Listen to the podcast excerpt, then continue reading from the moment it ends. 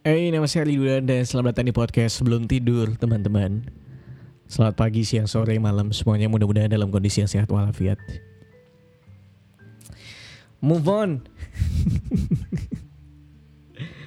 Tai lah ini istilah tenar, tenar banget waktu aku SMP kali ya. SMP apa SMA? Tentang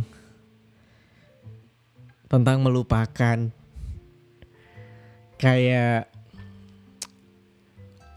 apa sih sebenarnya yang harus kita lakuin buat move on? Well, aku bukan orang yang expert sama hal move on. Aku bukan orang yang expert sama hal cinta-cintaan. Tapi aku tuh selalu percaya kalau move on tuh cuma soal kamu mau apa enggak, bukan soal kamu mampu apa enggak. Karena beberapa orang keluhannya tuh kayak apalagi anak-anak SMA ya. Keluhannya tuh kayak kenapa sih aku nggak bisa move on sama dia kak? Kayak yang ada di pikiranku tuh cuma dia dia mulu. gitu. Aku nggak tahu ya kadang aku tuh bisa bilang orang-orang yang kayak gini tuh kayaknya cuma krisis percaya diri aja kayak dia merasa satu-satunya orang yang bisa nerima dia cuma mantannya satu-satunya orang yang bisa nerima kekurangan dia cuma mantannya dia nggak yakin kalau dengan fisiknya yang seperti ini dia apakah bisa dapet cowok baru lagi apakah dengan sikapnya yang seperti ini apakah dia bisa ketemu orang baru lagi yang mungkin mau sama dia? Ya aku bisa bilang beberapa orang ada yang krisis percaya diri aja gitu. Ada juga orang yang susah buat move on tuh gara-gara kayak nggak bisa kak. Ada banyak banget kenangan momen-momen yang udah aku lewatin sama dia dan itu tuh sulit buat dilupain kita udah jalan bertahun-tahun dan untuk sekedar move on ngelupain dia yang dia udah sama yang baru nggak semudah itu. Dan aku heran deh kenapa dia bisa cepat untuk pergi sama yang baru? Meanwhile aku di sini masih terpuruk nangisin dia tiap malam. Ada juga yang ngerasa kenapa sulit sekali buat move on? Em, orang tua aku sama dia udah deket banget perjuanganku sama dia untuk bisa deket keluarga satu sama lain udah sejauh ini dan itu sulit buat didapetin kak. Well aku setuju untuk untuk bisa dapet kepercayaan terhadap kedua orang tua masing-masing tuh sulit banget memang. Em, tapi kalau kamu masih muda eh bahkan seaku aja masih muda banget bahkan ya. Apalagi kamu yang mungkin ngedengerin ini I know podcastku yang dengerin 18 sampai 20 berapa gitu. Mungkin kebanyakan 18, 19, 20. Kamu masih muda banget.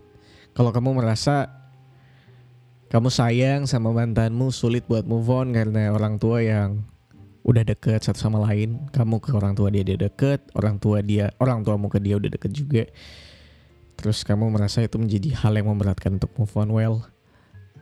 Aku cuma bisa bilang tai kucing lah. Eh geter tuh. Iya maksudnya you're still young man.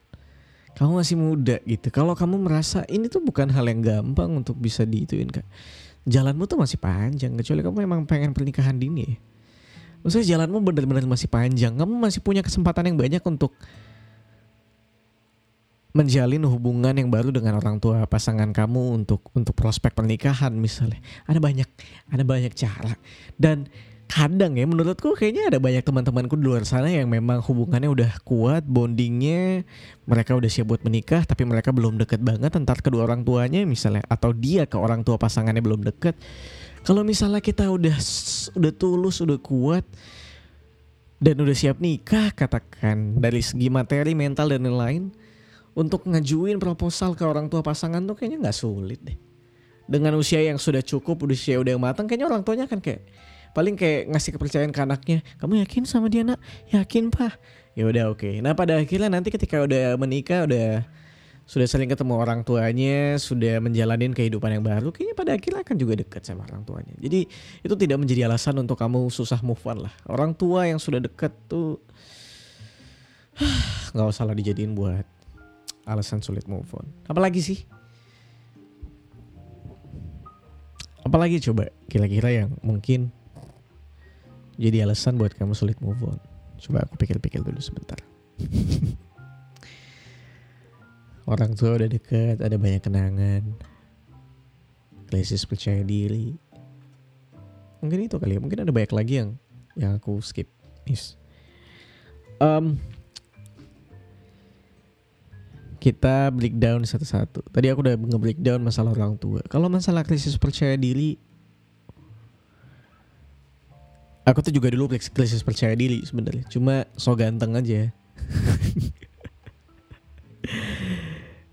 Saya tuh gak ganteng teman-teman. Sama sekali tidak. Dulu waktu SMA ini bukan cerita sekarang. Dulu waktu SMA kayaknya ada momen di mana orang tuanya nggak suka sama saya karena saya nggak seganteng ekspektasi ekspektasi orang tuanya jadi ketika ketemu walaupun ketemunya nggak sengaja abis itu kayaknya orang tuanya nyuruh putus atau apalah nggak tahu dulu tuh literally yang jelek bro. Maksudnya ini jelek dengan standarku ya. Setiap orang punya standar beda-beda cuma standar Indonesia juga bisa bilang kayak dulu tuh aku kurus rambutnya nggak jelas style kayak gimana dengan warna kulit yang menjadi warna kulit yang tidak didolakan masyarakat Indonesia, tidak berkulit putih, kurus terutama tuh jelek lah pokoknya aku juga bisa bilang dulu aku juga nggak cakep sih. Tapi tuh aku bisa bilang ya mantanku tuh cakep loh. Tapi aku bisa bilang mantanku tuh cakep. SMA aku bisa pacaran sama cewek yang bisa dibilang kayak ya lumayan jadi prima dona dengan tampangku yang segitu aja aku lumayan bisa bisa membanggakan diriku sih. Nah tapi akhirnya aku menyadari gitu kalau untuk ngebuat kita tidak krisis percaya diri, kamu harus tahu kayaknya ada banyak kekuatan atau kelebihan dari kamu yang kamu nggak sadarin aja yang mungkin belum kamu kulik gitu kayak apa ya? Eh uh, ini soal pede-pedeannya sih. Kalau sekarang mah udah nggak udah nggak sepede itu ya. Cuma dulu tuh aku ngerasa kayaknya aku tipikal orang yang bisa ngedengerin cewek itu dengan so deep. Yang bisa ngeliat matanya dengan dalam. Terus mendengarkan dia dengan serius. Mataku tertuju padanya kayak apa? Gimana kamu mau cerita apa? aduh, aduh. Dulu tuh kayak gitu.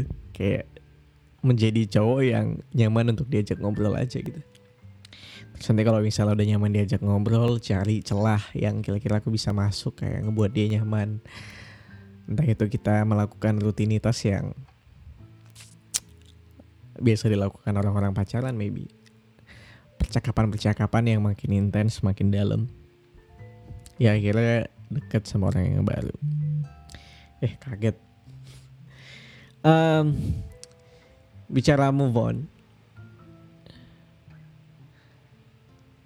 aku selalu bilang buat orang-orang yang sedih tuh kalau misalnya kamu baru patah hati baru putus ya it's okay kalau kamu mau bersedih cuma aku tuh selalu sebel sama orang-orang yang sedih tuh berlarut-larut dan lama banget teman-teman bisa berbulan-bulan Eh walaupun ada beberapa orang nganggap ya terserah dia dong kak. Iya ya ya terserah kamu juga. Cuma kalau kamu merasa pengen hidup bahagia, jalan kayak gitu bukan jalan terbaik untuk kamu bahagia. Kalau aku bisa bilang. Karena patah hati yang lama dikarenakan misalnya putus dengan hubungan yang gak works ya. Bukan karena patah hati karena ditinggal mati itu beda cerita lagi sih kayaknya. Aku belum pernah ngalamin itu. Cuma kalau patah hati karena hubungan yang gak works karena ada orang ketiga dan kamu masih sedih berlarut-larut itu adalah hal yang sia-sia um, nggak apa-apa kalau mau sedih sedih dulu aja. Aku sudah bilang ini berkali-kali. Cuma kalau misal kamu nanya what I have to do untuk bisa move on?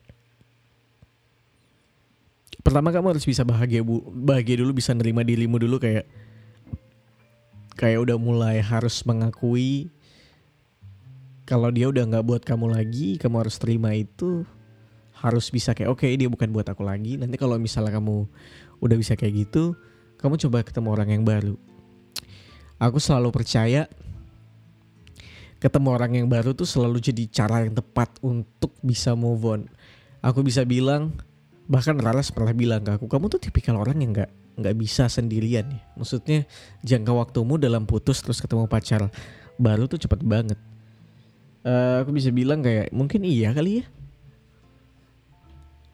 Maksudnya kayak ketika putus patah hati rasanya tuh kayak berasa pengen cepet-cepet ketemu orang yang baru walaupun tidak harus pacaran nih. Setidaknya ada orang baru yang nemenin ngobrol dengan suasana dia yang baru. Kita melakukan aktivitas-aktivitas nonton barengnya selayaknya orang pacaran walaupun sekarang nggak bisa ya karena lagi corona. Kita nonton bareng kita makan bareng cerita-cerita tentang kehidupan masing-masing. Ada sebuah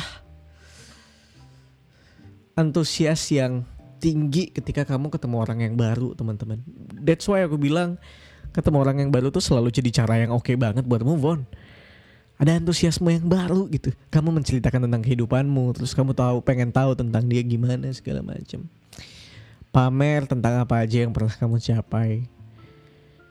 Dengan orang yang baru tuh selalu menyenangkan. Karena kamu kadang-kadang kayak pengen kan dipuji. Wah kamu hebat banget ya pernah kayak gini Kamu pasti pengen kayak gitu kan. Dan dan itu menyenangkan. Terus bisa ngasih perhatian kepada orang yang baru dengan suasana yang baru. I don't know itu terasa menyenangkan gitu. Ini buat orang yang patah hati ya bukan buat orang yang lagi berpacaran. Selingkuh kalau kayak gitu namanya. Cerita sama orang yang baru itu selalu menyenangkan. Dulu waktu aku habis patah hati gara-gara diselingkuhin uh, hal pertama yang aku lakukan mungkin mabok ya. Waktu itu ya party dan lain-lain terus ketemu orang yang baru berkali-kali. I don't know. Satu dua tiga empat adalah ketemu orang yang baru. Walaupun nggak nggak jadian cuma sekedar just having fun ngobrol dan lain-lain cerita ini itu. Dan zaman sekarang tuh kayak fasilitasnya udah banyak. Kamu bisa download Tinder ada download Bumble ada OkCupid ada banyak lah jadi kalau kamu ngerasa di mana lagi aku harus ketemu orang baru? Banyak banget. Atau kalau misalnya kamu punya mantan lagi gitu. Ketemu orang lama yang udah lama banget nggak komunikasi itu juga menyenangkan. Menceritakan tentang kehidupan kita yang baru seperti apa. Menanyakan dia udah ngapain aja udah ke mana aja. Itu selalu menyenangkan. Itu tuh lumayan jadi distraksi. Nanti kalau udah jadi distraksi lama-lama kamu akan akan akan berbelok arah tuh gak sih kayak yang tadinya cuma nyari pengalihan eh kok lama-lama jadi nyaman gitu kayak ayo deh ya udah deh yang tadinya ngambil di jalan sebelah kiri masih sama keinget-keinget sama doi sekarang jadi ngambil kanan buat ngejalanin sama orang yang baru That's why aku bilang orang yang baru tuh selalu tepat untuk jadi pengalihan dan bahkan untuk bisa sukseskan kegiatan move on ini teman-teman. Ada ada satu tweet yang bagus banget kemarin aku lihat di Twitter.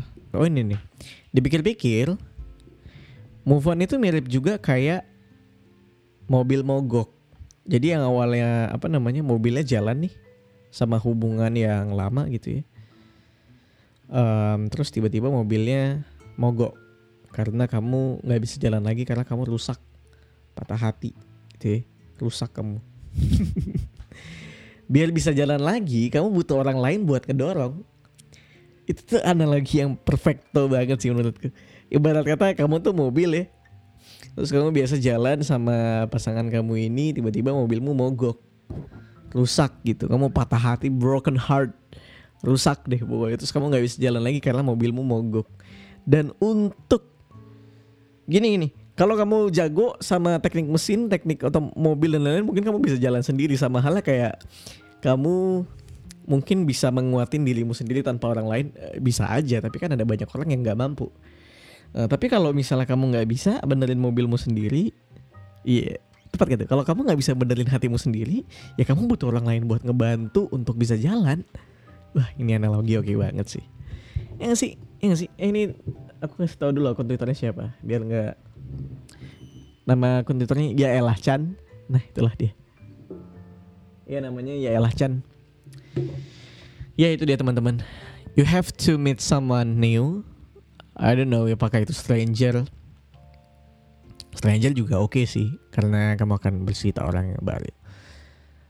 Gitu teman-teman. Ya mudah-mudahan, I don't know, mudah-mudahan ini bisa ngebantu kamu yang lagi move on. Jangan lupa dengerin terus podcast sebelum tidur, follow di Spotify um, share kalau kamu suka sama episode podcast sebelum tidur kali ini. Aku selalu senang kalau ada yang share. Dan sampai ketemu lagi di episode selanjutnya. Bye bye. Sampai ketemu lagi. Dadah.